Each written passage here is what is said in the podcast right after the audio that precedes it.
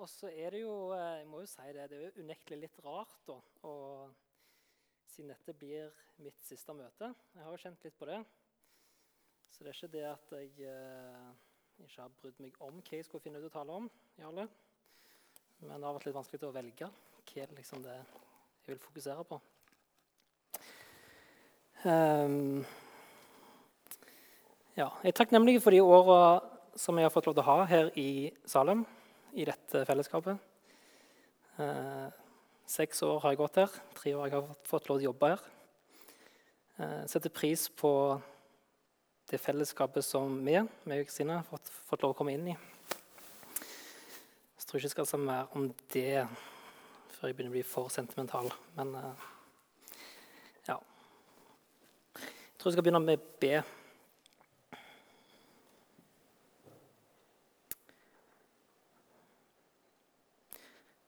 Kjære far, takk for at vi får lov til å være samla her denne helga òg. Vi har fått erfare det siste året at det å være samla som fellesskap ikke er en selvfølge. Takk for at vi nå har muligheten til å være her sammen. Takk for at du er her sammen med oss. Jeg ber om at uh, du må tale gjennom meg og gjennom ditt ord dag. At du må vise oss hva du har å si, og åpenbare til oss som er her. Jeg talen og legger kvelden videre i dine hender. Jesu navn. Amen.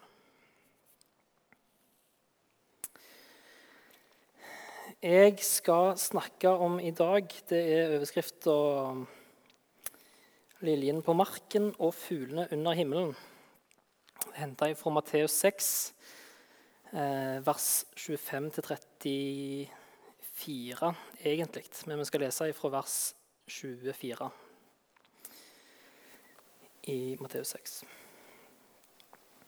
Ingen kan tjene to herrer. Han vil hate den ene og elske den andre, eller holde seg til den ene og forakte den andre. Dere kan ikke tjene både Gud og mammon. Derfor sier dere Vær ikke bekymra for livet, hva dere skal spise eller hva dere skal drikke. Heller ikke for kroppen, hva dere skal kle dere med. Er ikke livet mer verdt enn maten og kroppen mer enn klærne? Se på fuglene under himmelen. De sår ikke, de høster ikke og samler ikke i hus, men den far dere har i himmelen, gir de føde likevel. Er ikke dere mer, verdt enn de? Hvem av dere kan vel med all sin bekymring legge en eneste alen til sin livslengde. Og hvorfor er dere bekymra for klærne? Se på liljene på marka, hvordan de vokser. De strever ikke og spinner ikke, men jeg sier dere, selv ikke Salomo i all sin prakt var kledd som en av de. Når Gud kler gresset på marka så fint, det som gror i dag og kastes i ovnen i morgen, hvor mye mer skal, skal han ikke da kle dere, dere lite troende? Så gjør dere ikke bekymringer og sier ikke hva skal vi spise, eller hva skal vi drikke, eller hva skal vi kle oss med. Alt dette er hedningene opptatt av. Men den far dere har i himmelen, vet jo at dere trenger alt dette. Søk først Guds rike og hans rettferdighet, så skal dere få alt det andre i tillegg. Så gjør dere ingen bekymringer for morgendagen. Morgendagen skal bekymre seg for seg sjøl. Hver dag har nok med sin egen plage. Det er egentlig en ganske innholdsmetta og omfattende tekst som, som, vi har her i dag. Eh, en tekst som har ganske stor påvirkning på vårt liv hvis vi tar den på alvor. En tekst som sier noe om hvordan det at vi kjenner Jesus, får konsekvenser i livene våre. Dette er ikke en sånn enkel selvhjelpstekst til å roe ned bekymringene litt. Det er ikke så uh, fladisk. Det er noe som får stor innvirkning på livene våre. Vet ikke om jeg skal si det nevrotisk, men, men, jeg kan være ganske bekymra for ting. ting ja, kan lage meg store tankeslott om hvor galt alt kan gå. En krisemaksimering. Så viser det jo at det meste går greit til slutt. Men uh, ja det, denne teksten her kan være grei for meg, i hvert fall, kjenner jeg, til å, til å være en påminnelse om hva som faktisk er viktig, og hva som må være retningen for hvordan jeg velger å leve livet. Det er også en tekst som viser at det åndelige livet ikke kan være løsrevet fra resten av livet. Ehm, vi lever ett liv.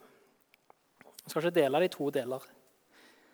Evangeliet forteller oss ikke om Jesus som Gud som sendte Jesus til jorda for å sone for oss på korset for bare halvparten av livet vårt. På samme måte så, så har vi Den hellige ånd som bor i oss, oss som tror. Og Han er ikke i dvale fem dager i uka, og så er han til stede når det er smågrupper og gudstjeneste. Det er noe som gjelder for hele livet. Vi har ett liv og som kristne så er det livet et åndelig liv. Teksten her starter med at uh, ingen kan tjene to herrer. Ingen kan tjene både Gud og mammon. Den setter oss over for et valg. Et valg om å enten tjene Gud eller mammon. Kort sagt vi kan velge å ha oss sjøl som herre i livet, eller vi kan velge å sette Gud som herre i livet. Og Det er en viktig forutsetning for den teksten som følger. Er Derfor jeg ville ha med det vers 24 òg. Ofte så leser en fra vers 25, men vers 25 starter med et 'derfor'. Ingen kan tjene to herrer. Derfor sier dere. Hvem vi velger å sette som herre i livet, det henger sammen med med teksten videre for øvrig om, om bekymringer, at vi skal la de gå. Jeg tror alle mennesker har en søken etter noe.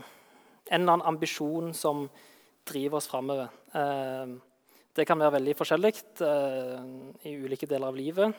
Når du er i 5. klasse, så har du kanskje lyst til å bli brannmann. typisk. Det er ikke sikkert du har lyst til det når du er 19. Ikke noe vondt mot brannmenn, altså, men det er litt sånn eh, klassiker. Uh, en har noe som driver en framover. Ofte kan det være knytta til jobb og til karriere. Uh, og det kan være knytta til å skaffe seg materielle ting, materielle goder. Et mål om et flott hus og en stor hage. Jeg skal snart kjøpe hus sjøl, så jeg vet hvordan den, hvordan den tanken er. Uh, gjerne en dobbel garasje med en Tesla og en Harley. Det hadde vært veldig nice. Og en grei inntekt, sånn at en kan leve et behagelig liv og unne seg det en får lyst på. Slippe å bekymre seg for penger. Så skal en kanskje ha fire unger som alle skal bli rakettforskere og leger. Sånn at det ser vellykka ut for samfunnet for øvrig. Kanskje satt litt på spissen. Litt. Men, men samfunnet skriker litt sånne ting mot oss. Eh, en ser på reklamer og påvirkningen, så handler det om å tilby oss materielle ting som skal gi oss et mer behagelig liv. Eh, hvordan en kan tjene seg sjøl og sin kropp med god mat, gjerne sunn mat, eh, fine klær, parfyme, sminke. Ting som kan tjene til at vi kan få slappe av skikkelig. Hytte har vært særlig i vinden det siste året.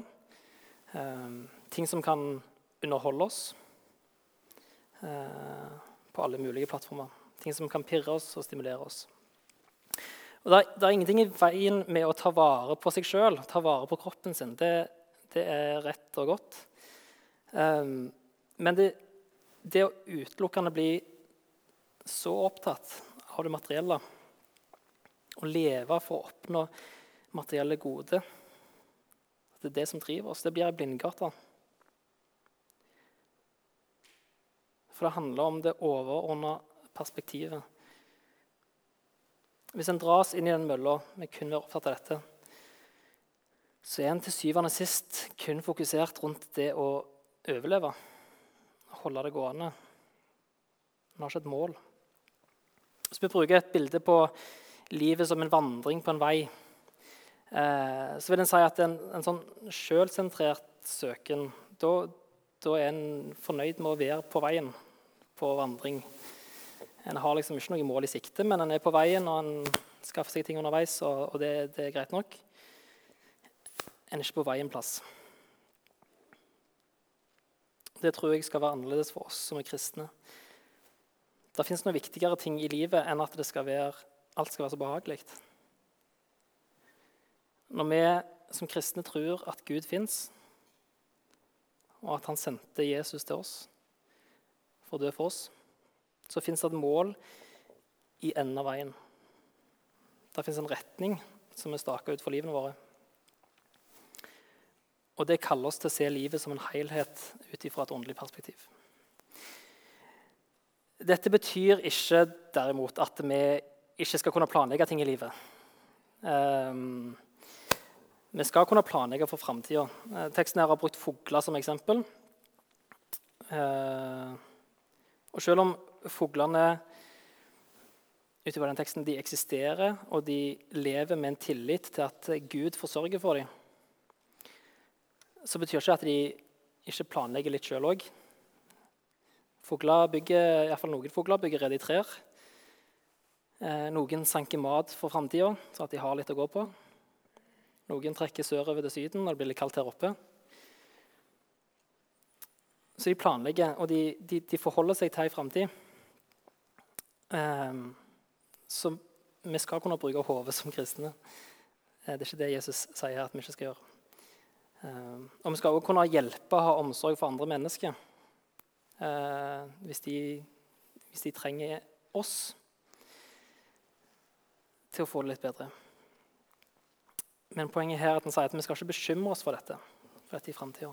Vi skal ikke være engstelige. Det er en biskop som heter Ryle, han sa det sånn at kloke forholdsregler for framtida er rett. Slitende, knugende, sjølplagende bekymring er galt. Gud han har tatt, av oss, tatt seg av oss i det store perspektivet. Han har skapt oss, og han opprettholder oss. Jesus stiller i den teksten et sånn retorisk spørsmål. Eh, hvem av dere kan vel med all sin bekymring legge en eneste alen til sin livslengde? Ordet livslengde her kan også oversettes med kroppshøyde. Da blir det enda mer festlig. En alen er en halvmeter. Hvordan kan vi bekymre oss til å bli en halvmeter lengre? Det går ikke. Det vet vi. Men når vi er unge og vokser opp i barndommen, så har Gud lagt inn noen mekanismer sånn at vi vokser oss til, gjerne en halvmeter høyere i den tida. Gud skaper, og Gud opprettholder. Når Gud kan ta seg av dette store perspektivet, hvorfor skal han ikke da kunne ta seg av de mindre tingene? Som mat og klær, f.eks. Eller motsatt vei. Når Gud sørger for mat og klær til fuglene og til lilja på marka, Hvorfor skal han ikke da i enda større grad være opptatt av oss mennesker? Er ikke vi mer verdt enn de? Gud tar seg av oss og fritar oss fra bekymringene. Vi skal kunne planlegge, og så skal vi heller ikke være late. Eh, det er ikke sånn at Gud forsørger, og vi bare skal sitte der på gjerdet og vente på at Gud ordner alt på et sølvfat for oss. Martin Luther han er jo kjent for å sette ting litt på spissen og har noen fargerike beskrivelser.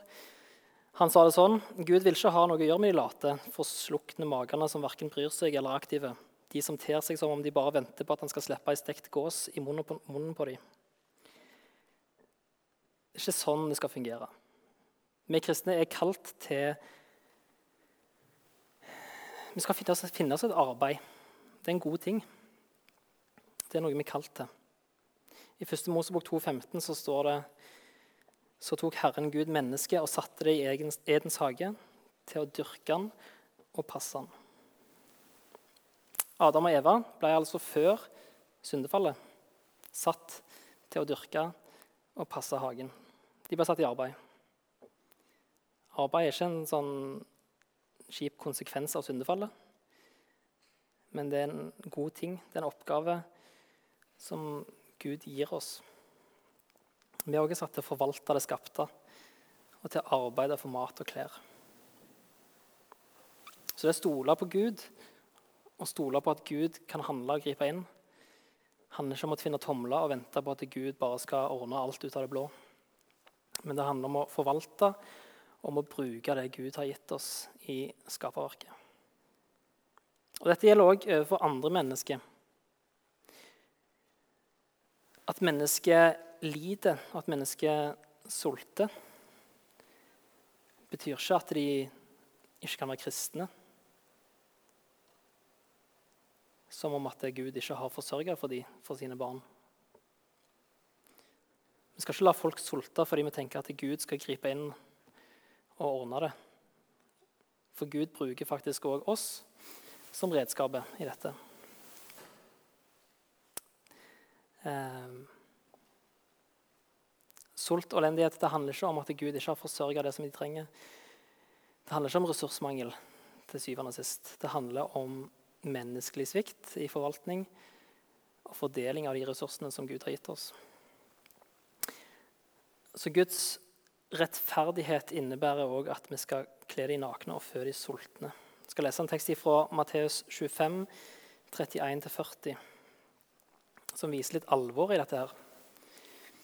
Men når menneskesønnen kommer i sin herlighet, og alle englene med han, da skal han sitte på sin trone i herlighet, og alle folkeslag skal samles framfor han. Han skal skille dem fra hverandre, som en gjeter skiller sauene fra geitene, og stille sauene på sin høyre side og geitene på sin venstre. Så skal kongen si til de på sin høyre side.: Kom hit, dere som er velsigna av min far, og ta i arv det riket som er gjort i stand for dere fra verdens grunnvoll ble lagt. For jeg var sulten, og dere ga meg mat. Jeg var tørst, og dere ga meg drikke. Jeg var fremmed, og dere tok imot meg. Jeg var naken, og dere kledde meg. Jeg var syk, og dere så til meg. Jeg var i fengsel, og dere besøkte meg. Da skal de rettferdige svare, Herre, når så vi deg sulten og ga deg mat, eller tørst og ga deg drikke? Når så vi deg fremmed og tok imot deg, eller naken og kledde deg? Når så vi deg syk eller i fengsel og kom til deg? Og kongen skal svare dem. Sannelig sier dere, det dere gjorde mot en av disse mine minste søsken, har dere gjort mot meg. Så skal han si til de på venstre side.: Gå bort fra meg, dere som er forbanna, den evige ild som er gjort i stand for djevelen englene hans. For jeg var sulten, og dere ga meg ikke mat. Jeg var tørst, og dere ga meg ikke drikke. Jeg var fremmed, og dere tok ikke imot meg. Jeg var naken, og dere kledde meg ikke. Jeg var syk og i fengsel, og dere så ikke til meg. Da skal de svare, Herre, når så vi deg sulten eller tørst eller fremmed eller naken eller syk eller i fengsel uten å komme deg til hjelp? Da skal han svare dem. Sannelig sier dere, det dere ikke gjorde mot en av disse minste, har dere heller ikke gjort mot meg. Og disse skal gå bort til evig straff, men de rettferdige til evig liv.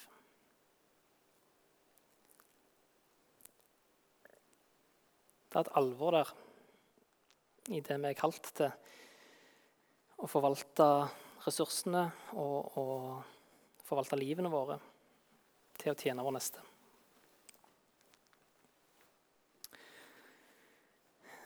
Det at uh, Gud jo er med, og at vi ikke skal bekymre oss for ting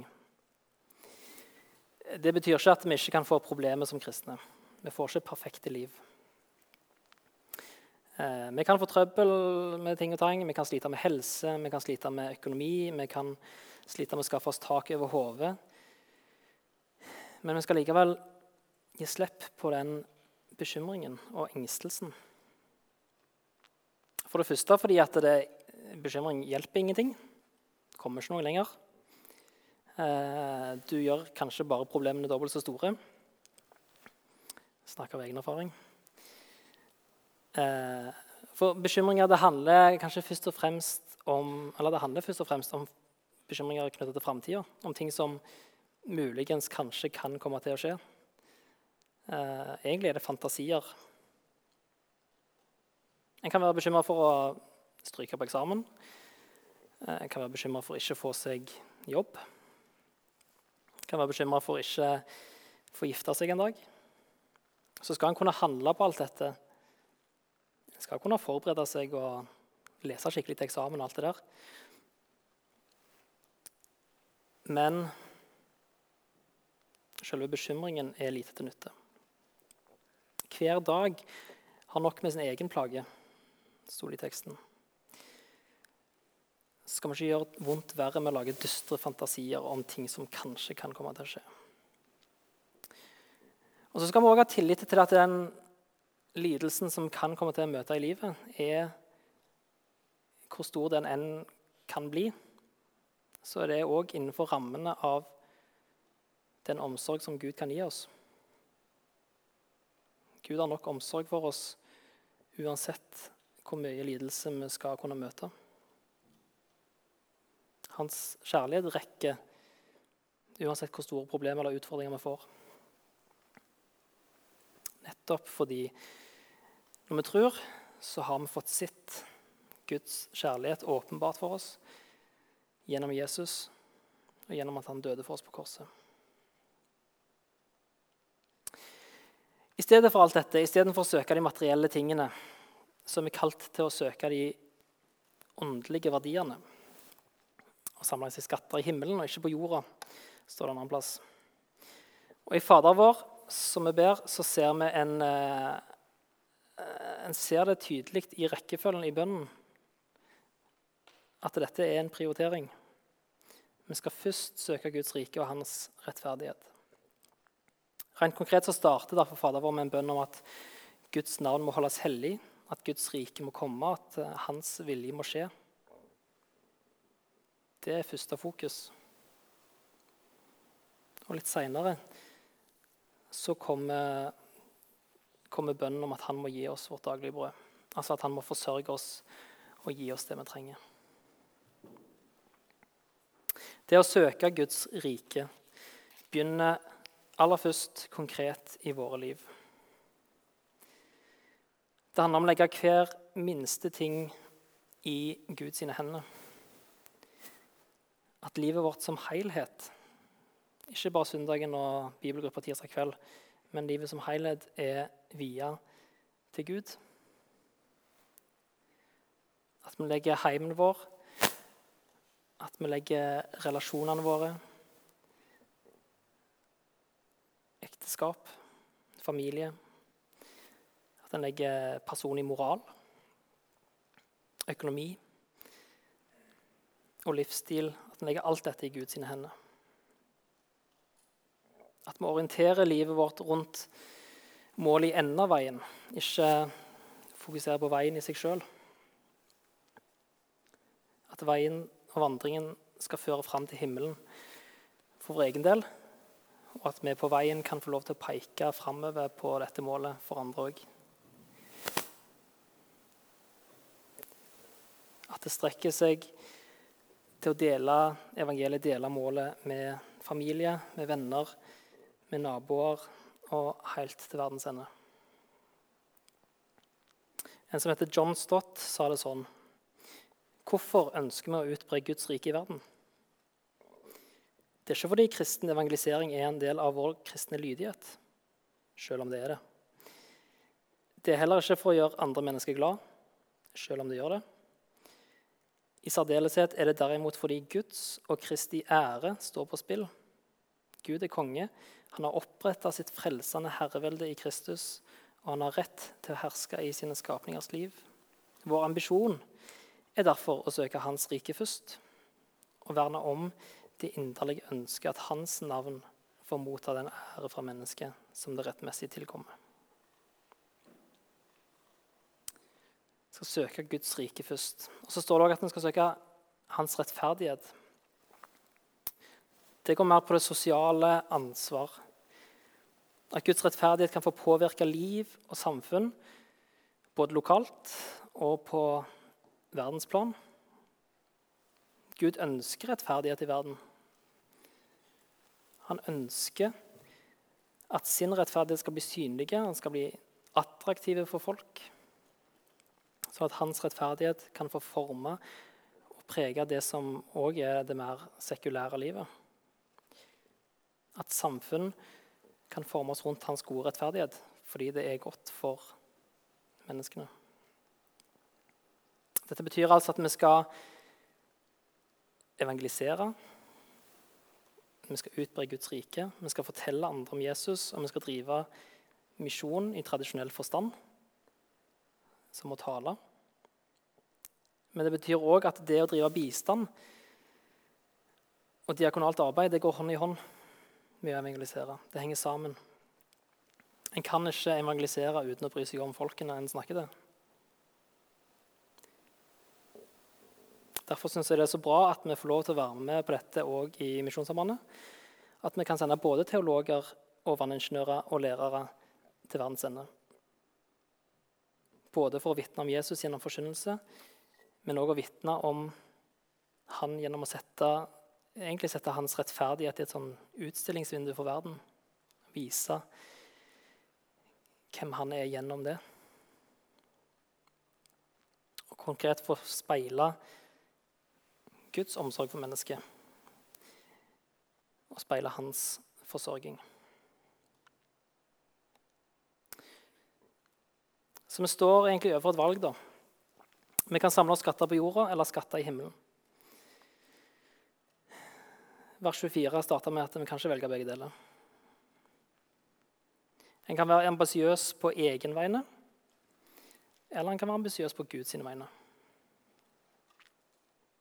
En kan være sjølsentrert i hva en vil oppnå i livet, eller en kan velge å være opptatt av hva Gud ønsker å utrette gjennom en.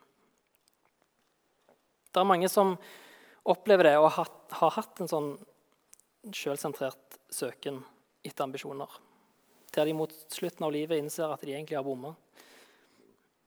De har ikke oppnådd det de egentlig trodde de skulle oppnå, eller det de trodde de ville oppnå. En sa det sånn at det, det er som å sette en uh, lang lang stige opp langs en bygning. Så handler hele livet om å klatre opp den stigen. Og så innser du da på slutten av livet at du egentlig satt stigen opp mot feil bygning. Ambisjonen vår må være knytta til at Gud skal vokse, at vi skal avta. At hans navn skal bli hellige. At hans rike må komme, og at hans vilje må skje. Det kan innebære at det betyr at vi skal ha ambisjoner om å utvikle oss. Utvikle våre gaver og talenter. Ta noen studier. Skaffe seg en forfremmelse på jobben. Men det er ikke en sunn ambisjon hvis endemålet kun er det.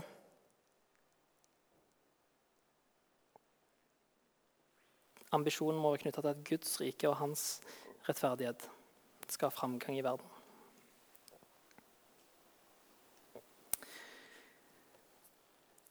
Bare av nåde er vi frelst. Det bygger ikke på noe som vi skal fikse og klare sjøl. Vi kan ikke bekymre oss til frelse heller. Og vi kan ikke frelse oss sjøl. Men vi kan ta imot den gaven det er. Vi har òg Gud som skaper og opprettholder. Vi er hans verk, og vi kan ha tillit til han i hvordan vandringen framover legger seg til rette. Og Jeg har derfor lyst til å avslutte med å lese fra Efeserne, eh, kapittel 2, vers vers 1-10.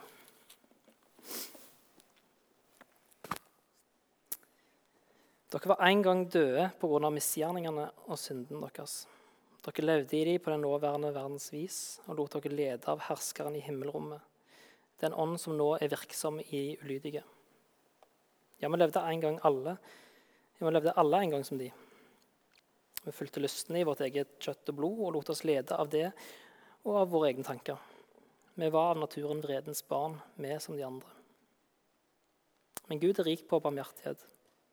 Fordi han elsker oss med så stor en kjærlighet, gjorde han oss levende med Kristus, vi som var døde pga. våre misgjerninger. Av nåde er dere frelst. I Kristus Jesus har han reist oss opp fra døden sammen med han og satt oss i himmelen med han.